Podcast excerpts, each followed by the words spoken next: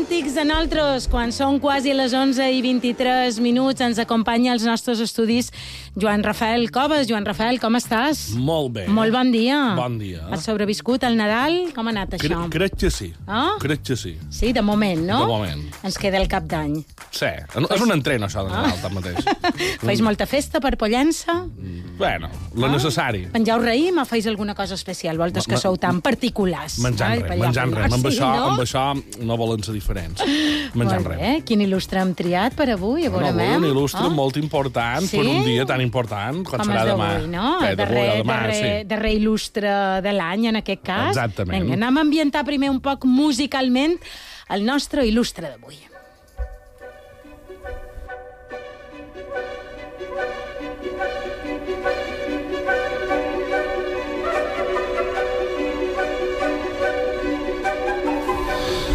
Bé, per començar la història d'avui, eh, ens hem de posar en la situació que un rei, d'un regne no gaire llunyà, possiblement del regne més proper que mai hagin tingut, no vol allitar-se la seva dona de cap de les maneres.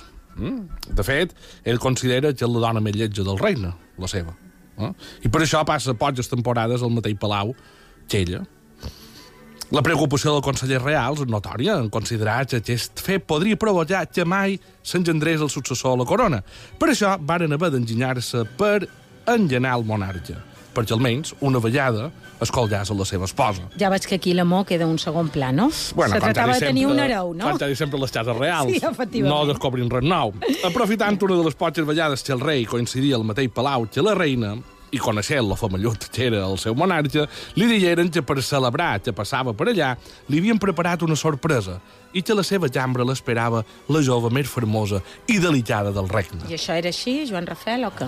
Com podeu suposar, el rei no va passar la nit en cap jove formosa i delicada, sinó que l'ha passat la seva esposa i reina.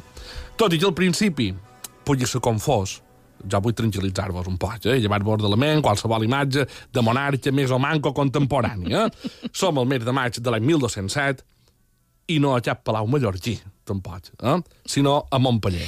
Ai, Joan Rafael, amb aquest començament m'havies fet esclatant suor. Jo ja estava pendent aquí amb en Juanmi, el control a la producció, de si rebíem cap telefonada, tanta sort. Ara me deixes més tranquil·la. Vaja, en surt de final d'any que m'has duit, eh? No sé de què Ah, m'aixarres. clar que no, clar. ni perquè passava tanta pena. Vinga, vinga. Bé, és igual. I de, érem Pere el catòlic s'havia llitat, enllenat, això sí, en na Maria de Montpeller, la seva esposa.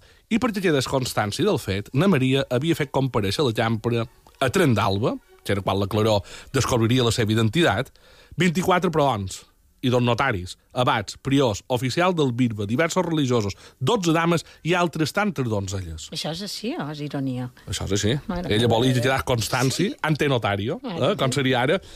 Nou mesos després de l'engany neix el nostre protagonista d'avui.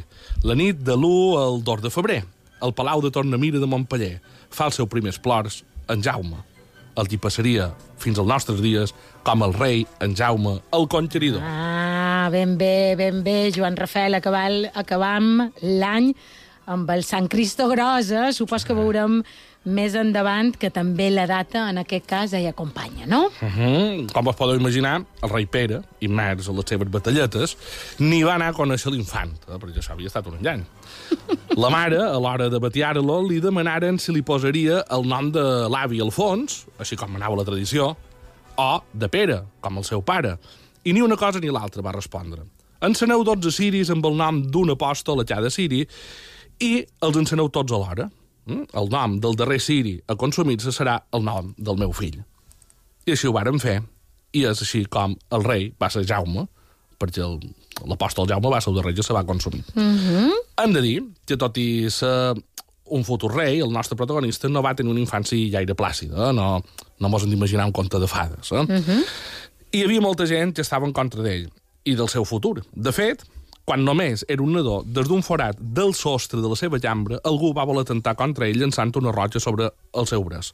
Per sort, en Jaume va sortir-les. Eh? I Era un nadó encara. No és que no fos plàcida, és que va ser bastant perillosa, no? No, i espera, espera. Més endavant, el seu pare, el seu pare, que no, volia, no havia volgut saber res d'ell, Efectivament. um, tampoc no era llumanera, per que he vist, va oferir el seu pitjor enemic, Simó de Montfort, per tal eh, de no entrar en una guerra en en Jaume en matrimoni a la seva filla. Sí que, sí que em fet bien el temps, no? Era molt gran. Que va, aquest Ah. va acceptar. Oh, va dir, sí, que va bé. I Pere, quan Jaume només tenia 3 anys... Ah, ja li va oferir quan tenia 3, Tres anys, en eh? Sí, per matrimoni. dir-li, mira, eh, per la teva filla, si vols, un reial. El, I no només és que li oferís, és que el van trellar com a penyora del tracte, com a dir, mira, només té 3 anys, encara no se poden casar, No però jo ja m'agrada te'l gens don. en Pere aquesta. En no Pere me cau gens pot, bé. sí. Com podeu imaginar, en Simó, de Montfort, va tractar com un hostatge en fi i futur hereu del seu enemic. I, i la cosa va anar, va anar així. Eh? Que aquell senyor el té i com a enemic el fa com si fos un, un presoner més. O sigui, el pare que passa del fill va a cercar-lo per fer-lo servir de penyora, mem. Jo, eh, estem d'acord, no?, que les guerres s'han d'evitar a tota Sí, costa, però no sé... sí. Jo trobo que en Pere aquí es passa de frenada, no?, per dir-ho una mica suau en això, Joan Rafael, I una dos mica Pere, suau. espera, espera. El rei Pere no sol no pot evitar la guerra amb en Simó de Montfort, eh? sinó poc mesos després, a Moret, el mateix Simó mataria el rei Pere en plena batalla. De fet, en Jaume no tornaria a veure cap dels seus progenitors, ja que Anna Maria de Montpeller moriria a Itàlia quan era a visitar el papa per demanar-li clemència i que intercedís entre ella i en Simó de Montfort per l'alliberació del seu fill. Ens trobam en Jaume Xactiu, orfe i hereu de la corona catalana aragonesa, només en 5 anys. Mm? Jo en tenc quasi 39 i no he viscut tantes coses. Oh, moment. ja Però veig que no, i tens... I crec que no els Mare viurem. meva, quina aventura, i espero que no les visquis. Finalment, com havia demanat la seva mare, el papa Ro eh, de Roma va exigir en Simó de Montfort que retornés en Jaume a la seva terra, i així va ser que l'hereu Jaume, en tan sols sis anys, va ser coronat rei a Lleida i tots els cavallers i nobles de la corona li juraren defensa i lleialtat. Tal com havia deixat la seva mare escrit en el seu testament, qui van xerrallar de la seva educació van ser els cavallers templers del castell de Montsó, que van ensenyar al jove rei a lluitar amb l'espasa, a muntar cavall, i també van ser ells qui li van transmetre la fervor religiosa que el rei sentiria durant tota la seva vida. Potser aquest fet va ser crucial a la seva decisió de voler reconquerir les terres que es trobaven sota poder musulmà. Als 10 anys, només, només som uns 10 anys, Només som els 10 Les anys i Corts ja de la parlat Corona- aquí de matrimoni, l'han donat a un altre com a penyora, mare meva de Déu. I espera, perquè les Corts de la Corona declararen major d'edat en en Jaume. Ja duia massa temps sense rei i això feia, sent- els feia sentir intranquils. Eh? Ja, ja ha passat al treballar de la història que hi ha gent que no sap estar sense rei. Eh? Ja ho han viscut, tot això. Eh? I es posen nerviosos i fan cosetes. Bé, als 13 anys el fan casar amb Leonor de Castella perquè tingui un fill i així assegurar-se un hereu. Això dels hereus els interessava... pim-pam. sí. Eh? L'important és tenir hereus. Eh? Més és igual. Com fer llonganisses. Si fos ara, passaríem una penada. eh? Mira en Felipe, que fins als 40 o això, no, no, no, no va tenir cap hereva. Ja haguessin fet alguna estratègia Ja abans, passat, eh? jo, Ben en aquell temps, sí. no sé què li haguessin fet, eh? I doncs, el nostre pobre Jaume, que va tenir la infància que va tenir, en 14 anys el tenim casat amb un fill en el font d'Aragó. eh? I rei, ja. Mm? Ja corona rei. Hem de dir, però, que any després una lota li va començar a pitjar. I com que, va coincidir, eh, i com que ja saben que tenia bon el papa, que ja l'havia ajudat, Havies de tenir bo per segon quines coses, no? Dins l'Església Catòlica. Li va, va passar? concedir, li va concedir la nulitat matrimonial i eh, na Leonor va fer monja, també sol passar això. La seva primera dona Sí, es va quan- fer monja. Quan els deixen, se fan Sí. Mhm. monges, pobretes. I ella, es va, i ell, perdoneu, no són tan moderns, ell Sí? es va casar Amb amb Violant. Na Violant d'Hongria. Que era la que li havia fet, la que li havia agradat, no? Sí.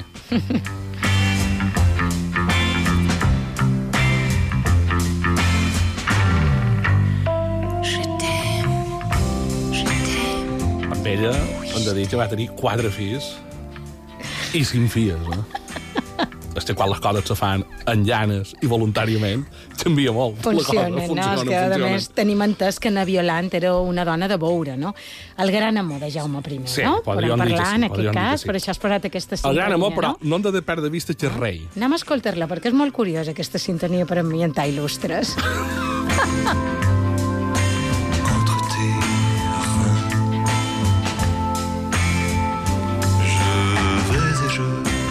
viens. No, allò Tan eh, tan lluït. Hombre, eh, per ambientar una biografia del rei en Jaume han de ser moderns. No ja podem anar sempre amb joglars i coses d'aquestes. El tema és que hem de pensar que el rei eh, tindrà altres cosetes. Ell, sabent que els reis els hi costa, això de...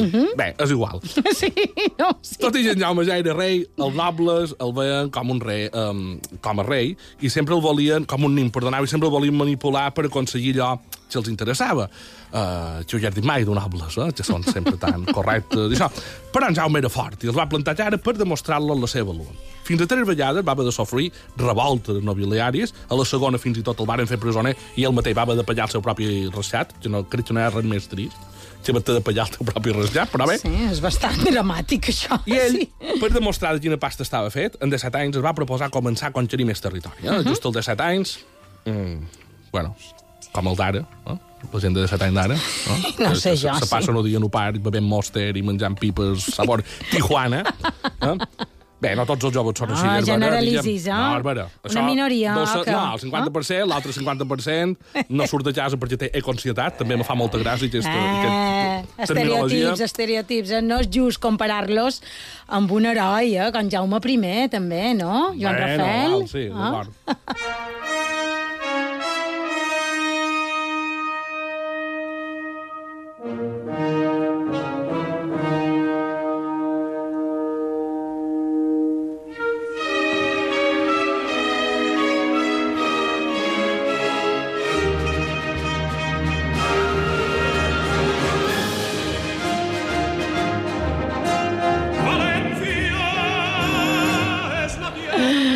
on ampliarà el seu territori, Home, home, eh? Joan Rafael. Si una cosa ell havia après del seu pare és que valia més no ficar-se amb els francesos. Va mirar Eh, cap al sud, i de, Per no? això decideix investir cap al sud, la seva doctrina templària era evident, el seu enemic era el musulmà. Els cavallers de la corona no ho van veure massa clar i han de dir que el deixaren bastant sol eh, en el seu primer intent de conquerir Penyíscola. Amb 21 anys, però, o sigui, el va fracassar a Penyíscola i amb 21 anys eh, es va proposar conquerir Mallorca. I aquí és on ens piquen altres, això. Eh? Perquè ja, ja, ja arribant ja per aquí. En aquesta ocasió, s'ajullar el tot per el tot i ofereix les noves terres conquerides i els botins a aquells cavallers que li prestin ajuda. Els catalans accepten, perquè ja són catalans això de... Sí, cobram... Sí. Bueno, eh? Els aragonesos varen dir, "Va, mira, Varen passar una mica, estamos bien no? allí, eh? no, no mos mourem. Eh? Així tot, l'impaciència del jove rei, que feia en Mallorca el control del comerç del Mediterrani, va decidir emprendre la campanya i ens trobam ja a l'any 1229.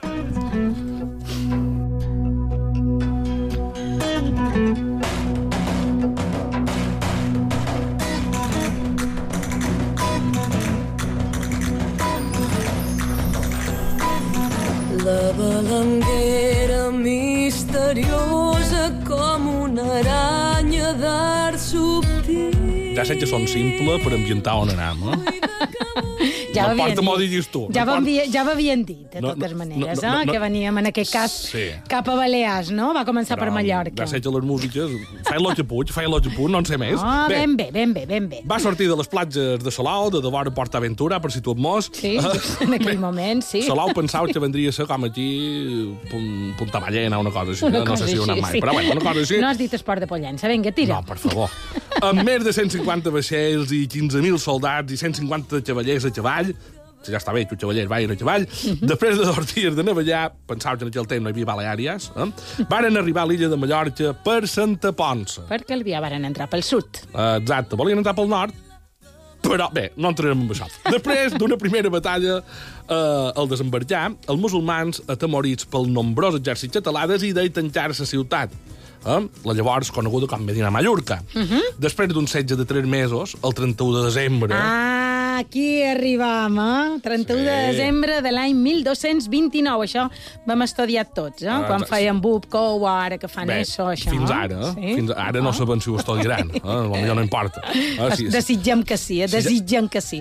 Què va passar aquell dia, men? El, el rei en Jaume, darrere Sant Jordi, com ell mateix eh, conta, Sí? i en la famosa frase de vergonya, cavaller, vergonya, que no la diu aquí, però bueno, tothom diu que la diu aquí, és igual, varen aconseguir entrar a ciutat. Per tant, ja tenim el motiu Xua, que no el necessitàvem per parlar de Jaume I, però has triat també Jaume I en el dia d'avui, per això ens has duit aquest superil·lustre, Joan Rafel. Exacte. Ah? Més tard el vam plantar rei, perquè jo m'han dit que era molt guapo. Mhm. Jo no era, però diuen que era tan guapo. Bé, de fet, també ho fan del seu llibre, tot això.